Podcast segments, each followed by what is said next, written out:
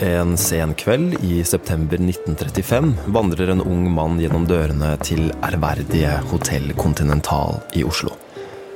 Han går fram til resepsjonen og sier noe som får resepsjonisten til å spisse ørene. Han spør nemlig etter rommet til Al Brown, den verdenskjente bokseren som har snudd hele Norge på hodet de siste ukene. Han blir vist i riktig retning og forsvinner oppover i etasjene.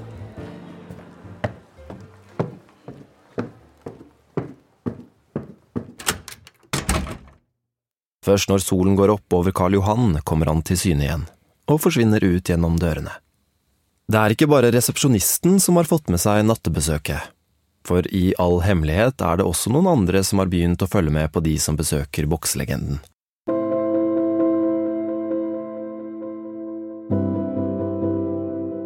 Og de ser ikke med blide øyne på det de mistenker at foregår oppe på hotellrommet om natten. Du hører på Skeiv og stolt, en podkastserie fra Nasjonalbiblioteket. Med Carl Martin Eggesbø. Dette er syvende og siste episode om Al Brown. Alle sitatene i denne episoden er lest inn av skuespillere.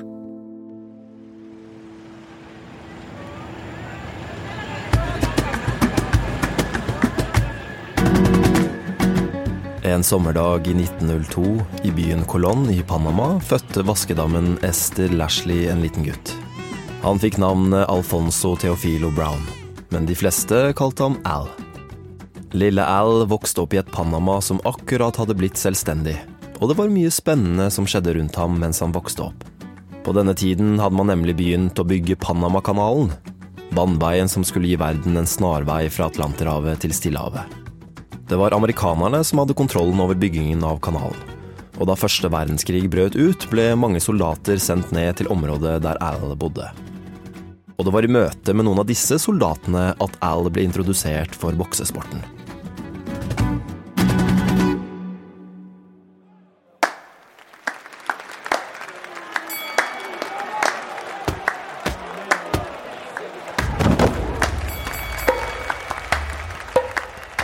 Det raskt tydelig at unge Al hadde talent. Med en lang, slank og rask kropp fintet han ut de fleste. Boksing var populært i Panama, og hvis man hadde talent, kunne det være en vei ut av fattigdom for unge menn fra arbeiderklassen. Og snart fikk Al en mulighet til nettopp det, for det var flere som hadde begynt å få øynene opp for talentet hans. Og det tok ikke lang tid før han fikk seg en manager som la store planer for fremtiden. Al og manageren hans satte kursen mot USA. Der var boksesporten enormt populær, og Al fikk sjansen til å virkelig få vist fram det han var god for.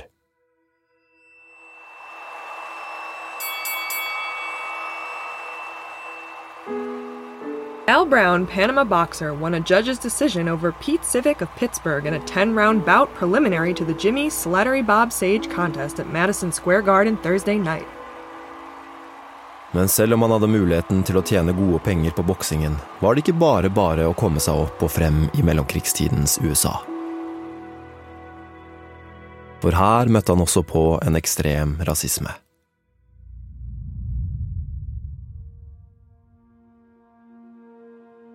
I mange stater gjaldt Jim Crow-lovene, som skulle sørge for rasesegregering.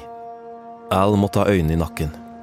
Å gå inn i feil restaurant, sette seg på feil sete på bussen eller å overnatte i feil by kunne være livsfarlig. Og det var ikke det eneste som stakk kjepper i hjulene for bokseren fra Panama. For han var nemlig også homofil.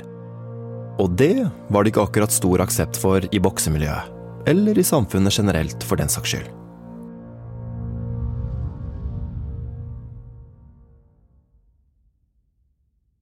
Men snart skulle manageren og Al finne en løsning som gjorde livet litt lettere.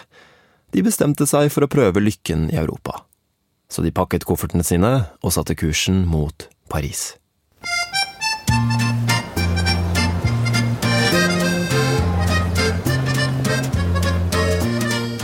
Og å komme til Paris for å bokse må ha vært litt av en befrielse. For denne byen var noe annet enn noe Al hadde sett før. Her fantes ikke lover for hvor han kunne sitte, sove eller bevege seg. Og i Paris var det også litt lettere å være homofil, for her kunne man leve et mer åpent liv enn andre steder i verden. Byen hadde faktisk vært et sentrum for skeiv kultur i mange tiår, og var sett på som en hovedstad for skeive på 1920- og 30-tallet.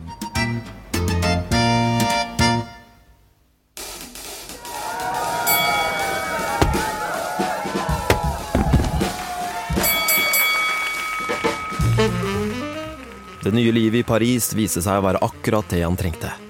Han var i ferd med å bli en skikkelig kjendis. I bokseringen var det ingen som kunne slå ham.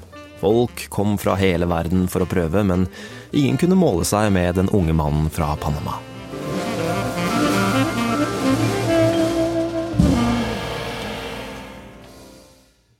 En dag fikk Al beskjed om at det var enda en som hadde reist til Paris for å utfordre ham i bokseringen. Det var nordmannen Pete Sandstøl, som var i ferd med å bli et stort navn i europeisk boksing. Men han hadde enda ikke prøvd seg mot den uovervinnelige Al Brown, og en augustdag i 1931 møttes de to i ringen for første gang.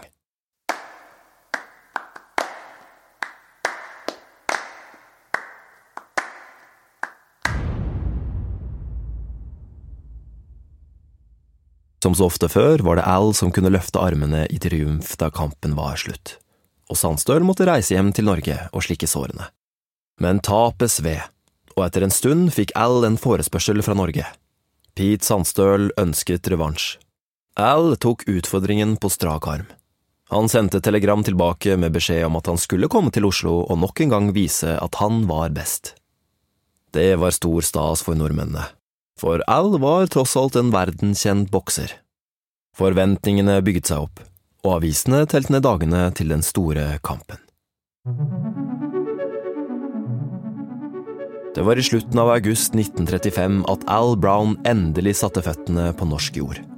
Kampen skulle stå bare noen dager senere, og alt fram til da handlet om å la publikum bli kjent med de to rivalene. Så Al ble fraktet med båt til Ingjerdstrand innerst i Oslofjorden for å møte publikum og presse sammen med Pete Sandstøl.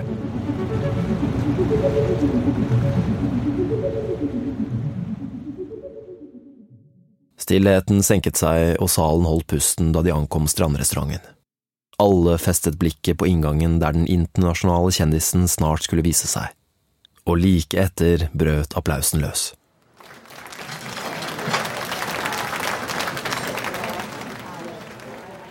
Al håndhilste på de norske kjendisene som var møtt opp, ga autografer til publikum og takket Norge for velkomsten i en tale som avisene oversatte til norsk.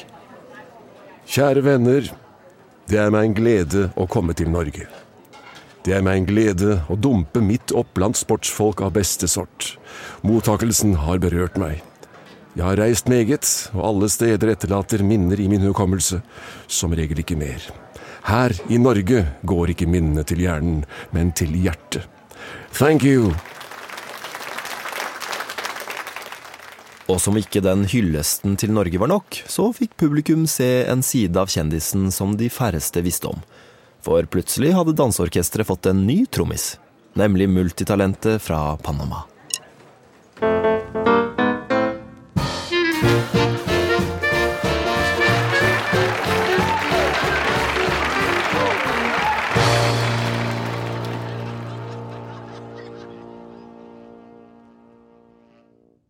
Norge elsket rett og slett Al Brown. Sportsspaltene i avisene rant over med lovord. Han ble beskrevet som et multitalent, en gentleman, intelligent og veltalende. Og selv om mange nordmenn håpet at Pete Sandstøl skulle stikke av med seieren, så nøt Al så stor respekt at bookmakerne fikk hendene fulle før oppgjøret. Sjelden har vel to menn forårsaket så store og inngripende forviklinger blant Oslos bokseinteresserte publikum som Al Brown og Pete Sandstøl. Veddemålene er høye og hissige. Man finner hverandre i inderlig og livsvarig vennskap, og man skilles som bitre, uforsonlige fiender. Men like før kampdagen skjedde det noe. Under en trening fikk Al en skade i foten, og kampen måtte utsettes. Det var en stor skuffelse for bokseinteresserte nordmenn som måtte holdes på pinebenken enda litt til. Men for Al ga det en mulighet til å utforske hva Norge hadde å by på. Og han brukte ventetiden godt. Med en skokk av fans og et kobbel av journalister i hælene dro han fra scene til scene, både for å se på show og for å opptre selv. Han likte seg rett og slett så godt i Norge at han vurderte å bli en stund etter kampen, som nærmet seg med stormskritt. Og en fredag i september kom endelig dagen alle hadde ventet på.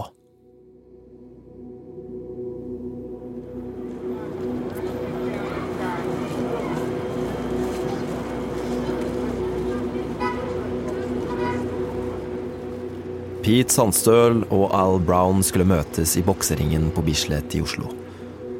Selv om kampen ikke skulle foregå før om ettermiddagen, kom folk strømmende til byen allerede tidlig om morgenen.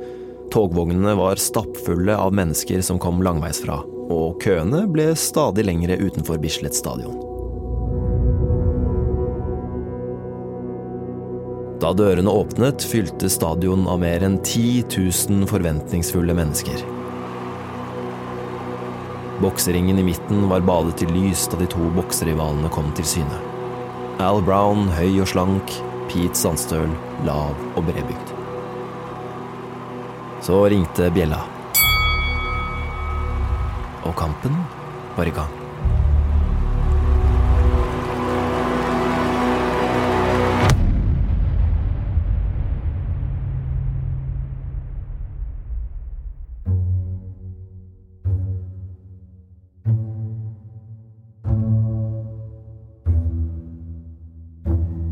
Det viste seg fort at kampen ble mer spennende enn Al kanskje hadde håpet på.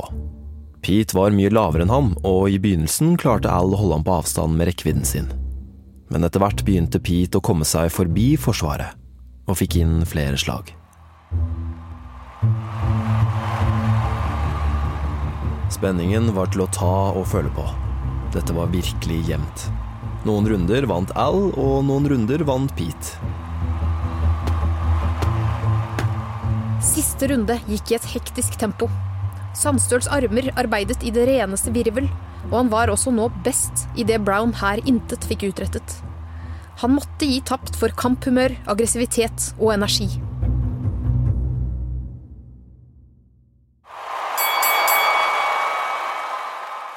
Publikum skjønte at det utrolige hadde skjedd. Det var Pete Sandstøl som kunne løfte armene og feire. Og mens den norske bokseren ble hyllet, forsvant Al ut av lyset fra lyskasterne og ble borte i skyggene.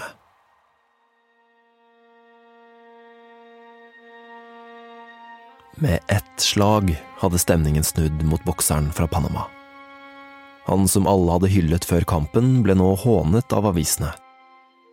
Han ble kalt sleip, grisk, dårlig taper og det som verre var. Og selv om det hadde vært noen rasistiske bemerkninger i avisene i ukene før kampen også, så nådde rasismen nye høyder nå som han hadde tapt. I Bergenstidene sto kommentatorens analyse av hvordan Pete Sandstøl hadde vunnet på trykk under overskriften Den hvite seieren. Og skal jeg søke å finne grunnen for hans seier i går, må den nettopp søkes i hans lysende intelligens, hans hurtige oppfatningsevne, som trakk fordelene av et tiendedels sekund betenkning hos motparten. Bare på den bakgrunn kan seieren forklares. Og da kan man også si at seieren i dobbel forstand ble en hvit seier. For mange var det helt ufattelig at Pete Sandstøl hadde vunnet kampen. Der noen skyldte på den hvite rases overlegenhet, noe som ikke var en uvanlig retorikk på 1930-tallet, var det andre som mente at Al Brown rett og slett hadde blitt betalt for å tape. Og ryktene sluttet ikke å svirre. Selv om Al fikk publisert en erklæring om at Pete Sandstøl hadde vunnet på ærlig og redelig vis. Jeg er tilfreds med min kamp mot Sandstøl, og jeg erklærer at enhver mann som ved fikse ideer ser fordel i å publisere usannferdige historier, burde skamme seg over å ha verken ære eller sportmanship. Noen ville til og med kaste ham ut av landet. Han er en fordømt løgner.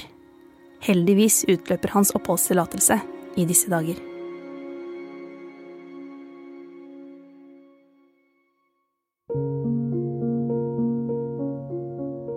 Etter denne behandlingen skulle man tro at Al Brown pakket kofferten og vendte nesa mot Paris igjen. Men det hadde han slett ikke tenkt til. Al hadde nemlig søkt om å få utvidet oppholdstillatelsen sin. Selv om ikke boksingen hadde gått sånn som han hadde tenkt, så hadde jo nordmennene likt å se ham på scenen. Kanskje han kunne jobbe som underholdningsartist en stund. Da ville han også få muligheten til å utforske norsk vinteridrett, som han hadde rukket å bli veldig nysgjerrig på.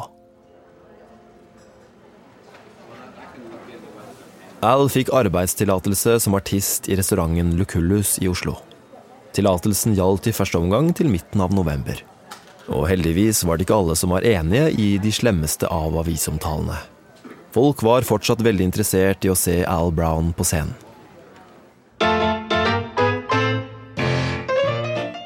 Jazzen hadde for alvor kommet til Norge, og folk var sultne på talent. Og det hadde virkelig Al. Nå så fremtiden i Norge plutselig litt lysere ut. Al begynte å leke med tanken på å få i stand en revansjekamp mot Pete Sandstøl. Kanskje til og med en bokseturné rundt omkring i Norge. Han hadde etter hvert fått gode kontakter i Oslo, og han hadde fått nye venner som han likte å være sammen med. Og det skadet heller ikke at både menn og kvinner kastet lange blikk etter ham på utestedene. Noen av de unge mennene fikk bli med han tilbake til Hotell Continental, der han bodde på slutten av kvelden.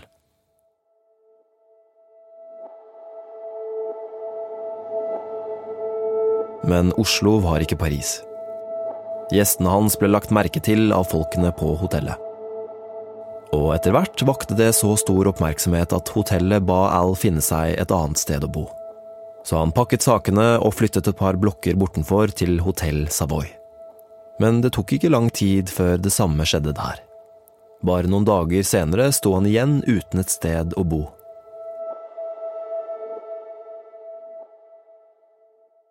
Dette gikk jo ikke i lengden, så han bestemte seg for å skaffe seg en mer permanent bolig, et sted hvor ingen kunne plage ham. Så han kjøpte seg en leilighet i Oslo sentrum. Der kunne han bo så lenge han ville, uten at noen la seg opp i hvem han inviterte på besøk. Men det var ikke bare resepsjonistene på hotellet som hadde begynt å blande seg i privatlivet hans, for politiet hadde også fått ferten i ryktene som gikk, og de bestemte seg for å se nærmere på saken. Det var flere som var interessert i å få kastet Al Brown ut av landet. På pulten til sjefen for fremmedkontoret i Oslo-politiet begynte det å hope seg opp med brev og rapporter fra folk som hadde hørt alle slags rykter. Og sammen med disse brevene samlet politiet sammen alle de negative omtalene i avisene, og alle beskyldninger som var rettet mot bokseren fra Panama.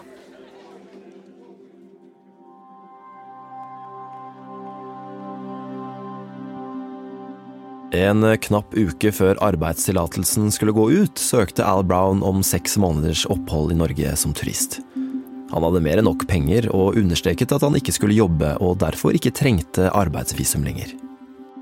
Planen var å bli en stund i Norge og oppleve den norske vinteren. Og hvem vet, kanskje han kunne bli enda lenger?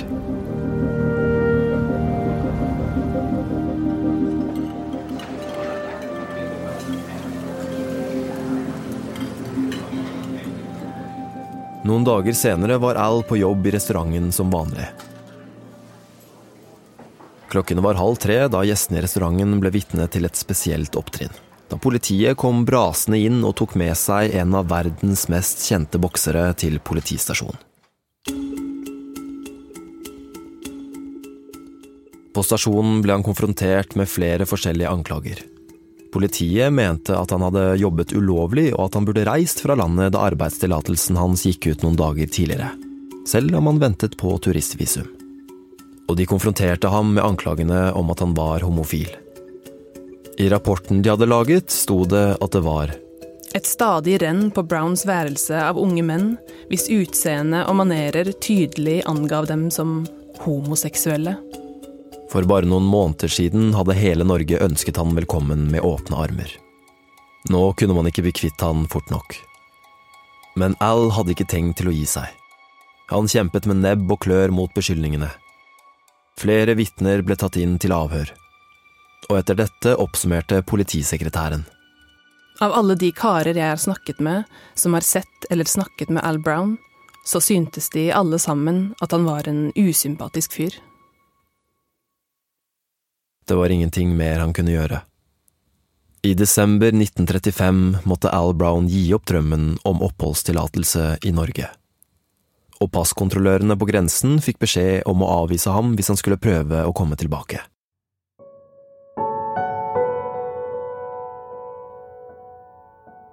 Al Brown hadde kjempet mot rasisme og homofobi hele sitt liv.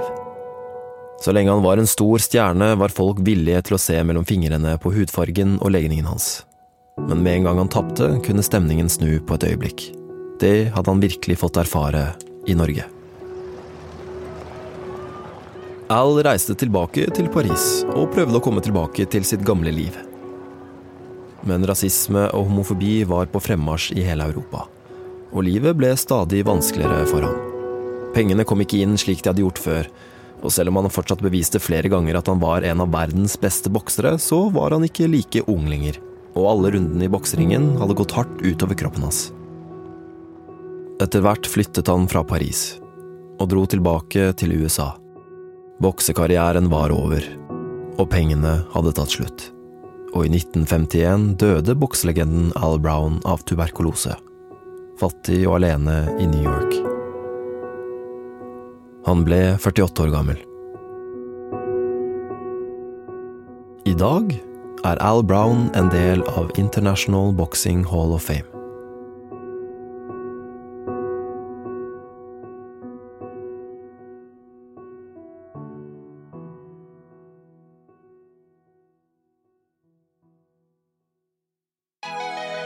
Du har hørt en episode av Skeiv og stolt, en podkastserie fra Nasjonalbiblioteket. Det var Carl Martin Eggesbø som fortalte historien. Skuespillere var Anna Kleiva, Tamara Jones, Preben Olrom, Alexandra Heller og Live Fedler Nilsen. Episoden er laget av Lars Hamren Risberg, Emmy Henriette Netka, Lars Haga Råvann, Live Federle Nilsen og Ragna Nordenborg.